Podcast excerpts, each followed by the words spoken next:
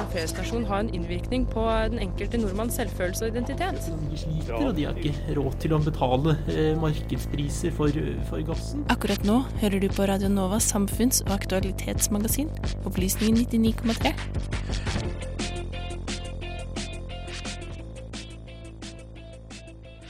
Forrige uke snakket vi i Opplysningen om en undersøkelse gjort av Ungdata, som viste at stadig flere unge gutter rapporterer om psykiske helseplager. Denne uken skal vi ikke snakke om samme undersøkelse, men vi skal fortsatt snakke om unge gutter. Eh, for unge, hvite, heterofile gutter er vel i en gruppe de fleste vil kalle privilegert. De får jevnt over høyere lønn og bedre jobbtilbud. Men hva med de som likevel ikke klarer det? Vår gjest i studio skrev forrige uke en kronikk i NRK om bevegelsen eh, og tilhengerne til den mye omtalte psykologen Jordan Peterson, og hvorfor hun tror han har blitt så populær blant unge gutter. Velkommen til oss, Sissel Fjelltun. Takk. Eh, først, har du lyst til å fortelle litt om Jordan Peterson og hans eh, budskap eller eh, ideologi? Jeg vet ikke helt om man skal kalle ham en ideolog, men uh, sånn som jeg oppfatter ham som, uh, fra mitt perspektiv som psykolog, så er jo han en kliniker som har blitt litt uh, internettberømt uten helt å mene det. Han har truffet en gruppe som i liten grad kjenner seg igjen, eller som ofte kommer til psykologkontoret i hvert fall. Han er jo som sagt en kliniker i bunnen, og han gir mange gode råd, og jeg tenker mange fornuftige råd til folk som sliter.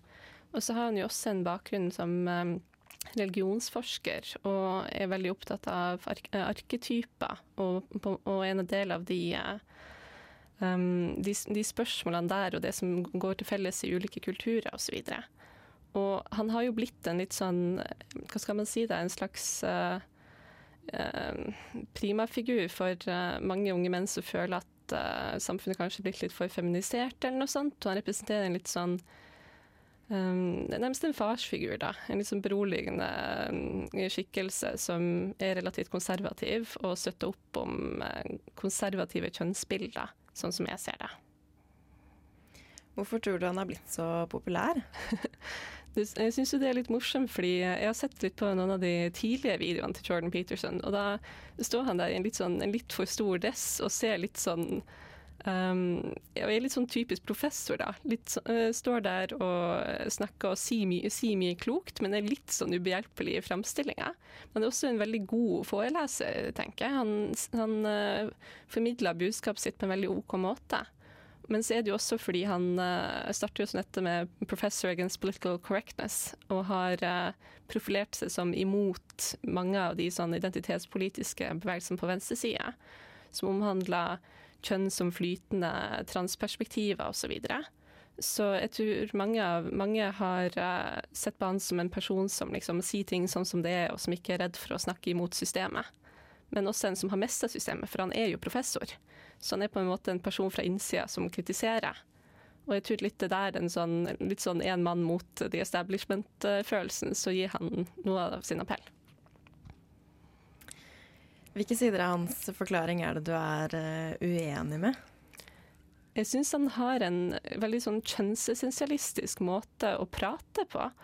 Og appellere til en del, til en del ting som jeg tenkte at uh, vi etter hvert må bli litt ferdig med. For det er en ting for Peterson å, å, å snakke til folk som han føler får lite oppmerksomhet, eller uh, problemstillinger som vi i liten grad debatterer. Unge menn fra et sånt et empatisk perspektiv, kanskje. Det har vi kanskje litt lite av. Men så går han også over og Opp til et visst punkt så snakker om individuelt ansvar, og etter det punktet så begynner han å snakke om um, samfunnsansvar eller biologi. Og fremholder biologiske kjønn veldig sterkt. Og han har jo f.eks. sagt dette med at uh, monogame samfunn har mindre vold enn samfunn som ikke er monogame. Derfor må vi etterskjeve monogami som norm. Og jeg tror ikke Peterson mener for å gjøre det klart, jeg tror ikke han mener at vi skal ha en sånn sentral utdeling av kvinner, liksom. Men når han snakker om mannlig aggresjon som en sånn, nærmest en sånn naturlov eller, en, eller som været, at vi kan ikke gjøre noe med det, vi kan bare forsøke å demme opp for det, sånn at det i mindre grad får seg fram. Så tenker jeg at, at det går jo også veldig imot det andre budskapet hans, med at du kan ta kontroll over eget liv. Og jeg syns det er uh, det er på en måte den veldig myke utgaven av den sånn hardeste varianten av dette som kanskje du ser hos incel-bevegelser på skikkelig hardlinene der, som, der det er en del som faktisk tar til orde for at kvinner burde på en måte gå på rundgang, sånn at ingen, eh, ingen skal gå uten sex, for det, for det, er så grusomt på et vis. Og jeg syns ikke Jordan Peterson i tilstrekkelig grad tar avstand fra den type ting, og selv om han ikke er for den ekstreme varianten der, så syns også han lager smale kjønnsroller, både for menn og kvinner, ved å fremholde biologi og ved å fremholde gruppeforskjeller som om det gjelder for hvert individ. Men så har han jo også en, eh, mange tilhengere, eh, så det er jo åpenbart at det er noe han treffer. Ja. Akkurat hva er det tror han treffer på? Hvor er det folk eh, kjenner behov for å høre på akkurat han? han har jo en litt sånn Han har jo en litt sånn fin stil av og til. ikke sant? Det er litt sånn skjerp deg og begynne i det små og gjøre dette. Og livet handler ikke bare om å ha det moro hele tida. Du må finne en mening med tilværelsen. Og jeg tenker det er noe de fleste klinikere kan være enig i, at dette er gode utgangspunkt. ikke sant? Og så tror jeg at han, fordi han står på en annen side av den kulturkrigen enn mange andre, så appellerer han til en del som, som ønsker seg på en måte konservatisme, eller som ikke syns at måten samfunnet går nå er så bra. Men så gir han også sånt, en form for fellesskap til dem. Og han sier jo sjøl at det er mange av de som eh, jeg snakker med som aldri har fått et godt ord i sitt liv. ikke sant? Og ved å gå inn i en sånn farsrolle, men også prate litt sånn spesifikt kjønna med å ta side med noen systemforklaring. At ja, den politiske korrektheten går imot oss alle, og det er ikke noe vits i det. Biologien er sånn, og menn får betalt bedre fordi de mestrer kapitalismen bedre, nærmest. Heller enn at det er noen fordommer der ute. Og, og så mestrer han jo sin egen rolle, ikke sant. Og så har han en veldig engasjerende måte å snakke på. Og så er han jo kanskje litt mindre opptatt enn mange psykologer er av å snakke forsiktig og rundt og veldig sånn på den ene siden, men på den andre siden og sånn. Altså han er forsiktig med språkbruken sin, men han er ikke så ta fatt i formen. Og det tror jeg kan være et savn av og til. For uh, psykologprat har jo den sånn klisjeen at du vet ikke helt hva de har sagt etterpå, og hva syns du hele tiden. Og Jordan Peterson gjør det jo ganske tydelig hva han syns. Og det tror jeg kan være en veldig sånn beroligende uh, og litt sånn trygg greie for mange. Og jeg har jo sammenligna dette med på en måte, fellesskapet unge kvinner kan finne i feminismen, at man får en sånn systemforklaring. Og når man får det, så er det lettere å ta til seg det en kan gjøre sjøl. Du får noen verktøy, og så kan du på en måte begynne å jobbe med ditt eget liv. Og så kan du legge bort skam og skyld. For kvinner kan jo kanskje finne en systemforklaring i feminisme, men hvem er det som du tror finner en systemforklaring i Jordan Petersons jeg tror kanskje det er de som opplever at offentligheten er blitt politisk korrekt og venstrevridd og en del sånne ting. Og at her har du en eh, professor som eh, kan sine saker og kan sin statistikk, som, som er helt enig, og som opplever seg sjøl eh, ikke jaga, da, men utsatt for uh, forsøk på sensur. Og at det, det opplever de også, ikke sant. Og jeg tror vi alle kan føle litt på det hvis vi har vært i en sånn situasjon der vi har sagt et eller annet og folk har ler skikkelig på øyebrynene. Så er det veldig tiltrekkende å tenke at at de, de, de tåler bare ikke ærligheten min og sånn. Og det opplever jeg mye av Jordan Petersons forklaring på han. da, at, eh, Men han er for ytringsfrihet, og disse andre er ikke for ytringsfrihet. Og, og, det kan en kanskje tenke sjøl, men de tåler ikke meningene mine, for de, så, de vil ikke snakke om verden sånn som den egentlig er. ikke sant? Så det er en, det er en sånn opposisjonell sak. Og hvis man ser på samfunnet og ikke helt kjenner seg igjen i, i de debattene som går der, så er det kanskje fordi, fordi jeg ser liksom gjennom dette, sånn som han. Du presenterer jo en slags eh, jeg vet ikke om man kan kalle det alternativ løsning i din kronikk, men du skriver i hvert fall at vi har lenge snakket om hvordan vi skal oppdra kvinner. Vi må snakke om hvordan vi skal oppdra menn. Vi må lære dem opp i de feminine kvalitetene vi alle trenger. Hva, hva mener du med det? Jeg tenker at vi må utvide de kjønnsnormene vi har. Um, det er jo et sånt gjennomgående tema i samfunnet at vi har veldig lite rom for maskulin sårbarhet. Uh, jeg tror mange av oss har opplevd at ei uh, jentevenninne begynt å grine på fest, og ikke reagert sånn kjempemye på det, kanskje. Men jeg kan aldri huske at jeg har opplevd en gutt som har begynt å gjøre det noen gang. Og det er sikkert mange av dem som kanskje kunne hatt et behov for det på et tidspunkt.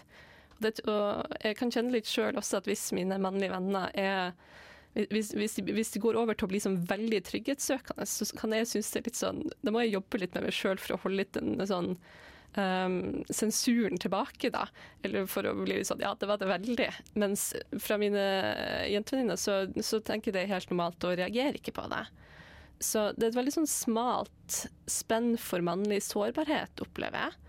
Og det syns jeg vi burde utvide. Og det er litt det som gjør meg kritisk til Jordan Peterson også, for jeg opplever ikke at han utvider det. Fordi han holder såpass sterkt på de kjønnsnormene, ikke sant. Og stilen hans er også veldig sånn skjerpte, eh, med omsorg, liksom, men med en sånn, innenfor en sånn veldig tradisjonell maskulinitet. Og hvis du ser på hvert år når det, det begynner å bli pride-tid, så er det noen som sier i avisa at uh, jeg er så lei av disse feminine homsene som gjør det vanskelig for meg å være en sånn helt vanlig homofil person. ikke sant? det sier også noe der om at når menn begynner å liksom ta til seg noe av det som anses som kvinnelig, så blir samfunnet veldig sånn å nei med en gang. Og det tenker jeg ligger i en sånn nedvurdering av det vi anser som feminint, som sårbarhet, men også å trenge omsorg og utøve omsorg. Og det burde vi endre på, tenker jeg. Vi har jo hatt samtaler til mange om hvordan man kan oppdra kvinner til å liksom oppdra jenter til å bli kvinner som kan håndtere den verden og den, det de skal møte. Men jeg tror vi også må ha samtaler om hvordan vi kan oppdra med gutter til å bli menn som kan møte de kjønnsstereotypiene. Og ignorere dem, eller håndtere dem på en OK måte. Sånn at de får et større rom til å være den de er, og ikke bare den personen som andre mennesker helst har lyst til å se. Men det finnes vel en del maskuline kvaliteter også, gjør det ikke det? Jo da. Og det er jo litt tåpelig også å si feminint og maskulint, for det får det til å høres ut som om de bare hørte menn, de bare hørte kvinner. Uh, men hvis man tenker på det som litt frakobla fra kjønn, da, så tenker jeg at vi alle har liksom godt av å dyrke begge to. Og finne litt ut av hva, hva dette kan jeg ta til med. Og det kan være mye å ta og hente i sånne tradisjonelle mas maskuline ting som å um, få jobben gjort, holdt jeg på å si, eller å gå litt direkte til saken osv. Uh, eh, men men må jo kjenne litt på hva en sjøl foretrekker. Og jeg tror det er langt mer akseptert for kvinner å gå i den retninga enn det er for menn å gå i den andre. Og det syns jeg er litt eh, kjedelig og litt trist. Og tenker at uh, da gjør vi det vanskelig for unge gutter å uttrykke sårbarhet og, og, ta imot dem.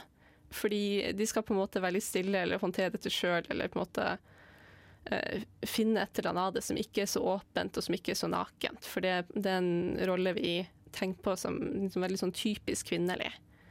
Og du ser jo også at det, det, finnes jo knapt en åpent homofil fotballspiller i toppidrett Nei, fotball, eh, fotballspillere. Uh, mens det har ikke vært et problem på jentesida på samme måte. Det har nesten vært en klisjé, tror jeg. Um, og vi har ikke så mange gutter som har stått frem som uh, har sagt at de har opplevd overgrep, f.eks.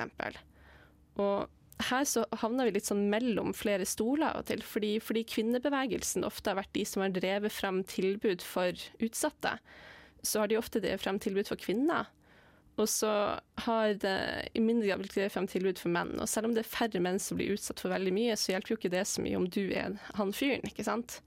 Og da sitter du der, og så har du ikke en kvinnebevegelse som har tatt ansvar for det spesifikt.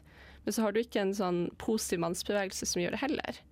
Og da, da, da, da, har du det ikke så godt, da. Og da er det vanskelig å vite hvor du skal henvende deg, og du har ikke noen gode rollemodeller. Ja, sånn litt avslutningsvis. Eh, hvordan tror du at eh, samfunnet kan jobbe for at denne gruppe menn som faller litt mellom de to stolene er, eh, føler en bedre trygghet, da? Jeg tenker jo at Vi må jo jobbe for at alle har et fellesskap på et eller annet vis. Og det er jo også sånn at Vi blir ofte sittende og snakke på sånn gruppenivå, og selv om menn på gruppenivå er privilegerte, så finnes det jo også klasse, og det finnes jo også det at du sitter med en million på, på, i banken, betyr jo ikke at du har det bra. Og det går på tvers av alle, uh, av alle grupper. Og jeg tenker også at her må også menn komme litt til å gjøre det rommet litt større og si fra om at mm, dersom de opplever det som kvelende. For det er grenser for hvor mye vi andre kan sitte og sånn som vi gjør nå, sitte og prate om unge menn. ikke sant? Uh, heller enn at de kanskje tar den samtalen sjøl og finner en måte å uttrykke det på en positiv måte.